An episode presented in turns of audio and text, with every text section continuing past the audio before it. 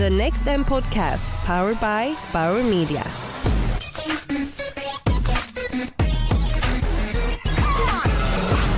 Hej och välkomna till Next M-podcasten 2017 som presenteras av Bauer Media. Mitt namn är Martin Hugosson och jag är VD på Maxus Communications. Jag kommer att leda en serie avsnitt med fördjupning kring de ämnen som tas upp här på Next M. Nu sitter jag i Bauer Medias bås mitt i händelsernas centrum på Next M tillsammans med Ali Farokian från Tobii. Eh, välkommen Ali och tack för att du eh, vill vara med och prata med oss. Tack vill själv. du kort eh, förklara vad Tobii gör? Ja, absolut. Eh, Tobii är då ett eh, svenskt världsledande företag inom eye-tracking-teknologin. Eh, vi har tre olika affärsområden.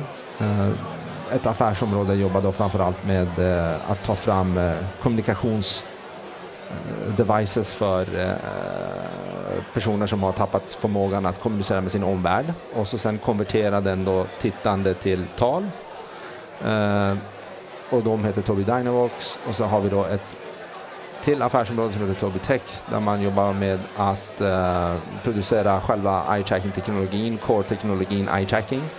Och bygger in det då i konsumentelektronik för gaming-applikationer och uh, olika typer av uh, eh, interfaces för att man ska kunna styra sina enheter då, både vad gäller uh, laptops och även mobiltelefoner. Så där har vi ju de Just nu har vi några fina design wins då, både med MSC och uh, Acer och Dell och Huawei på telefoner. Uh, väldigt, väldigt spännande uh, kring just det här med hur Tobitech växer och, och kapaciteten i själva eye tracking och eh, intresset där.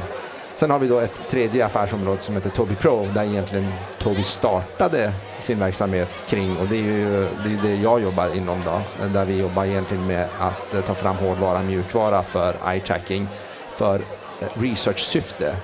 Alltså för att förstå mänskligt beteende via våra ögonrörelser. Eh, Och min roll på Tobii Pro är egentligen att jag ansvarar för vår tjänsteaffär. Eh, Vilket in, egentligen innebär att vi då genomför eye-tracking-projekt för kunder som eh, stora varumärken som eh, Unilever och Procter Gamble och ja, Google och olika typer av researchinstitut även. Hur kan ett sådant projekt se ut då? Ja, alltså det beror på. Det är alltifrån att vi hjälper kunder att förstå konsumentens beteende i, i en naturlig kontext. Um, och det kan ju vara alltifrån en bilhall, hur folk liksom väljer sin bil. Uh, vilka design features man tittar på när man gör sina val. uh, hur man uh, tittar på marknadsmaterial och läser broschyrer.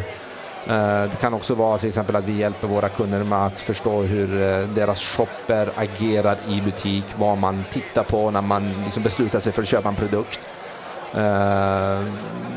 Vi har alldeles nyligen också genomfört studier mer in i hemmet, vad vi kallar för liksom on-moderated ethnographic research, där vi egentligen skickar ut eye-trackers till eh, liksom en, en panel av människor där vi ber dem eye-tracka sig själv när, när de konsumerar media.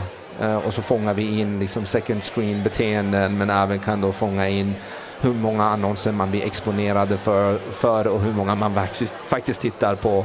Eh, hur, hur kontexten av konsumtion av media ser ut i hemmet. Så att det blir egentligen att göra en etnografiskt audience measurement-projekt men med, med, med, med, men med värdet av attention data, alltså eye tracking data då. Är det någonting som har eh, förvånat dig i den researchen ni har gjort? Eh, Egentligen inte, men den, den, den, den har ju på något sätt kvantifierat och faktiskt visat det datat många tror och pratar om. Så det är ett sätt, för, det är ett sätt att egentligen få eh, tyckande och, eh, tyckande och eh, teorier på svart och vitt på papper och få siffror på det. Så ni verifierar magkänslor? Ja, magkänslor är det som många pratar om. Att det här med ja, men hur ofta tittar man till exempel på tv-reklamen? Vad, vad händer under tv-reklamen? Eh, vilka devices tittar man på? Hur ser själva liksom, eh, hur ser själva, ja vad man skulle säga, själva eh, kopplingen mellan olika devices? Hur ser trafiken ut och, och så? Har du någonting du kan berätta där om just reklambreaken på TV? För det är någonting som debatteras ofta av de som är här och de som lyssnar. Ja, alltså vi, vi, vi har ju ny, nyligen genomfört en studie med, med Google där vi skickade ut 34 par glasögon till, eh, svenskars hem under 50 år. Där vi bad dem egentligen eye-tracka sig själva för en hel vecka. Eh, för att då mäta egentligen hur man konsumerar media i ett vanligt svenskt hem. Eh, och där var ju uppmaningen att, att vi ville att våra panelister under den här veckan då eh, ta på sig glasögonen varje gång man skulle konsumera media. Eh, och framförallt och då fick vi massa data, då fick vi massa data på hur man liksom satte sig i tv-rummet och på något sätt syftade till att titta på tv. Och under just den, den, den, under just den eh, kontexten fick vi ju en förståelse för hur man då kunde då flytta sin fokus från tvn under reklampauser till en annan skärm. Och det som var lite intressant där, det är att vi kunde se vad, vad, det, vad, vad på den andra skärmen var det man då tittade på där. Var det sociala medier? Blev man exponerad för en annan reklam? Eller det kunde till och med vara att man blev exponerad för samma reklam som visades på tv fast på en annan device. Så det, var, det är väl det där att, att kunna förstå det kontextuella mediebeteendet via ögonrörelsedata. För att som annonsör så skulle man väl men, med allra största sannolikhet vilja betala mer för reklam som folk tittar på ja. än den som de tittar bort från. Ja. Även om det kanske ligger lite på deras eget ansvar också. Ja, så är det ju. Och jag menar, och, och, och jag vill också poängtera att det är inte bara TV vi tittar på. Vi tittar ju på hela liksom konsumtionsbeteendet och konsumtionsmönstret och där ingår ju TVn som en primärmedia. Uh, men vi tittar ju också på hur, hur uh, hur hoppen mellan olika skärmar och devices ser ut då under, ett, eh, under en, en, en vanlig persons vardag. Finns det någon research som du tycker att ni kan ersätta? Eller är ni ytterligare ett eh, viktigt område och inköp för en researchchef på ett stort företag? Jag har svårt att säga att vi kan ersätta någonting. Eh, men, men jag skulle nog säga att det, det, det vi vill jobba med är att på något sätt visualisera gapet mellan det som kallas för in view och actual view. Alltså vad tittar man på? Och det här, och det här, är ju, eh, och det här kan ju på något sätt appliceras i massa olika kontext. Allt ifrån liksom hur man konsumerar media i sitt hem, hur många devices man är connected med, hur man shoppar sin produkt i hyllan, hur man konsumerar out of home advertising, men framför allt hur, hur, hur, eh, hur man eh, konsumerar digital digitala annonser och digitala kampanjer. Och som alla vet så finns det ju en hel del utmaningar med mätetalen inom den digitala världen och, och vi tror på Tobii att vi kan komma ganska nära att kunna faktiskt säga vad det är man tittar på och kunna på något sätt sätta en valuta för ögonrörelsedata. Eh, ambition, våra ambitioner är stora. Vi, vi, tror att det finns en jättestor marknad för det här. Eh, intresset är enormt. Eh, och uh, vi, vi, har nu tagit baby steps fram till den stora visionen då, som våra kollegor på Tobii Tech har, egentligen att det ska finnas en eye-tracker i varje konsumentdator eh, i framtiden och varje konsumentmobiltelefon eh, i framtiden. Det, är lite, det är lite djärvt att säga det, men, men den dagen det skulle kunna potentiellt hända så har vi ju, så har vi ju mycket data att jobba med. Finns det någon, något hot eller någon risk för medieägare med det här tror du? det skulle jag inte säga. Jag tror, att, jag, tror att, jag tror att marknaden är på väg dit, förr eller senare. Hur det, hur det nu än händer så, så tror jag att marknaden är på väg till att ha ännu mer eh, precisa mått. Eh, sen om det är via eye-tracking där man på något sätt kan eh, eh fylla in gapet eller med någon annan metod, det kan jag inte riktigt svara på. Men jag tror att med eye-tracking så kan man komma ganska långt. Um, och, och jag tror också att man ska man, man, kan också dra stora fördelar av det här. Man skulle också kunna säga att, att mediehusen kanske har möjlighet att ta ännu mer betalt för sina premiumplatser eh, genom att kunna påvisa effekten av det på ett tydligare sätt. Så det kan ju också på något sätt stötta själva betalningsmekanismen kring hur man tar betalt för eh, platser. Om vi eh, får ha det här som gäst nästa år, vad tror du att vi kommer ha liksom, vad har ni uppnått tills dess tror du?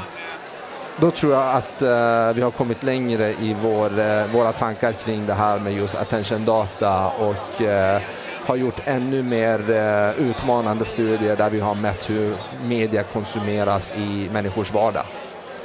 Men jag tror att vi har definitivt kommit längre i vår, våra planer för att eh, på något sätt eh, kapitalisera på det här attention-datat. Super. Stort tack för att du ville ta dig tid att prata med oss. Tack själv. Nu sitter jag i Bauer Medias bås mitt i händelsernas centrum på NextM tillsammans med ingen mindre än Staffan Rosell, VD på Bauer Media. Kul att eh, vi fick tid att få dig hit, eh, Staffan. Väldigt trevligt att få vara med, säger jag. Vad eh, har gjort er lockade av att delta i en eh, techmässa som NextM? Det råder ju en, en ljudboom just nu. Eh, det har aldrig konsumerats så mycket ljud som idag och det har aldrig lagt så mycket pengar både från konsumenter och från annonsörer på ljud. Och mycket av den boomen hade, hade inte varit möjlig om det inte vore för den tekniska utvecklingen. Och därför känns det här som en, en, eh, en helt naturlig och spännande plats att vara på. Där man just kopplar ihop innehåll och teknologi på ett framtidsorienterat sätt. Om man ska förse lyssnarna med lite storheter eller siffror där, hur mycket mer tid lägger man på ljud nu mot vad som nu är tidigare? Ja, det finns otroligt mycket siffror som florerar och det där är ju svårmätt, men man kan ju bara konstatera sådana här saker som att det har aldrig sålt så mycket hörlurar som nu. Man kan titta eh, om man åker tunnelbana eller buss hur det ser ut. För länge sedan så satt folk med en morgontidning, sen satt de med Metro, sen nu sitter de med en mobiltelefon och ofta med hörlurar på sig. Så att, eh, det är definitivt så att, att eh, eh, lyssna är lite det nya läsa. Innebär det att ni har fått nya, nya konkurrenter om konsumenters tid? Absolut. Och det är ju inte bara eh, konsumenter som erbjuder någonting att lyssna utan nu blir ju alla konkurrenter, alla som befinner sig på nätet konkurrerar ju om människors uppmärksamhet så det kan ju eh, lika väl vara så att man lyssnar på radio eller man lyssnar på streamad musik eller man tittar på Youtube-klipp. Så vi konkurrerar inte bara med andra ljudmedier. Nej, precis. Utan även morgontidning och TV. Ja. Har ni, eh, eller vilka förändringar har ni gjort internt för att möta den mer komplexa konkurrenssituationen? Ja, men vi har gjort en jättesatsning på vår digitala eh, plattform, Radio Play.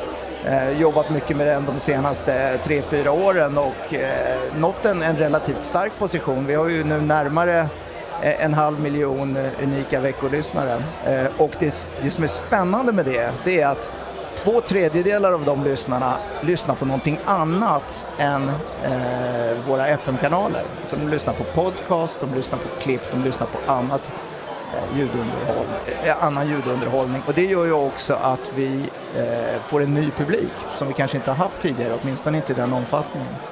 Lyssnar den här den, de två tredjedelarna då? Lyssnar de på ett annat sätt under en längre tid eller fler gånger eller skiljer de sig åt? Ja, men det är, över, överhuvudtaget så är ju podcastlyssnandet mer, mer fokuserat. Eh, när man lyssnar så, så lyssnar man. Eh, och det kan ju bli färre sessions och mer fokuserade sessions och lite längre sessions. Tycker du att några annonsörer i Sverige har utnyttjat det på ett bra sätt?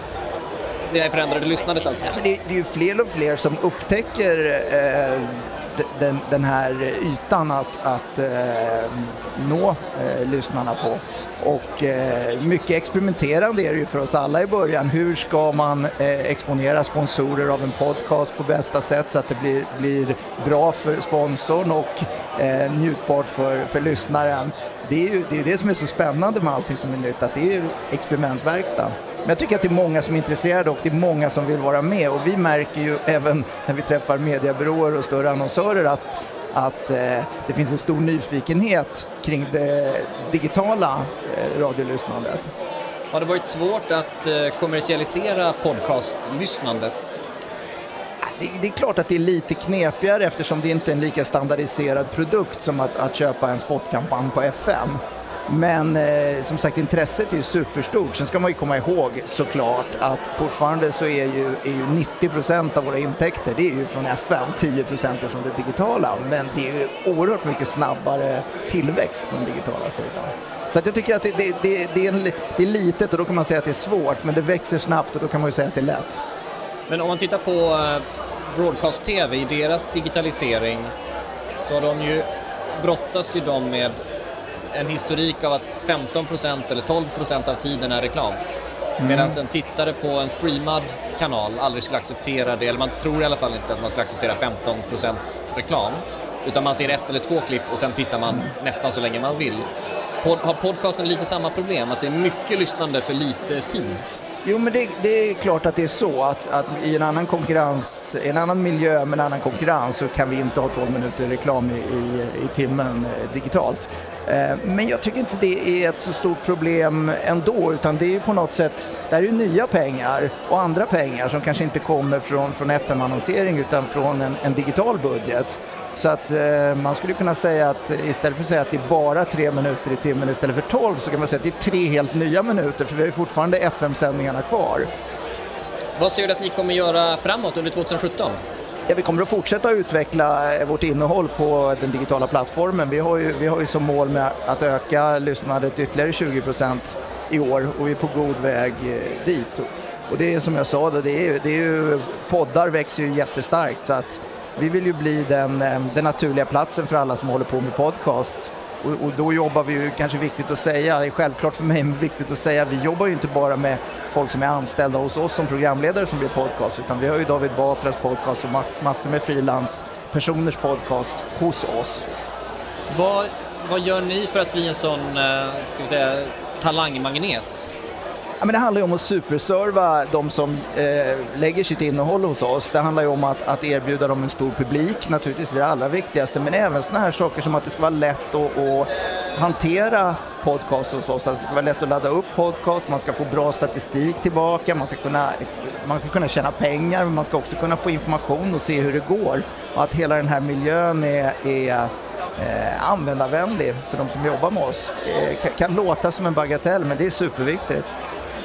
Finns det någonting inom eh, den tekniska eller teknologiska utvecklingen som du är besviken på att vi inte har kommit längre med som bransch?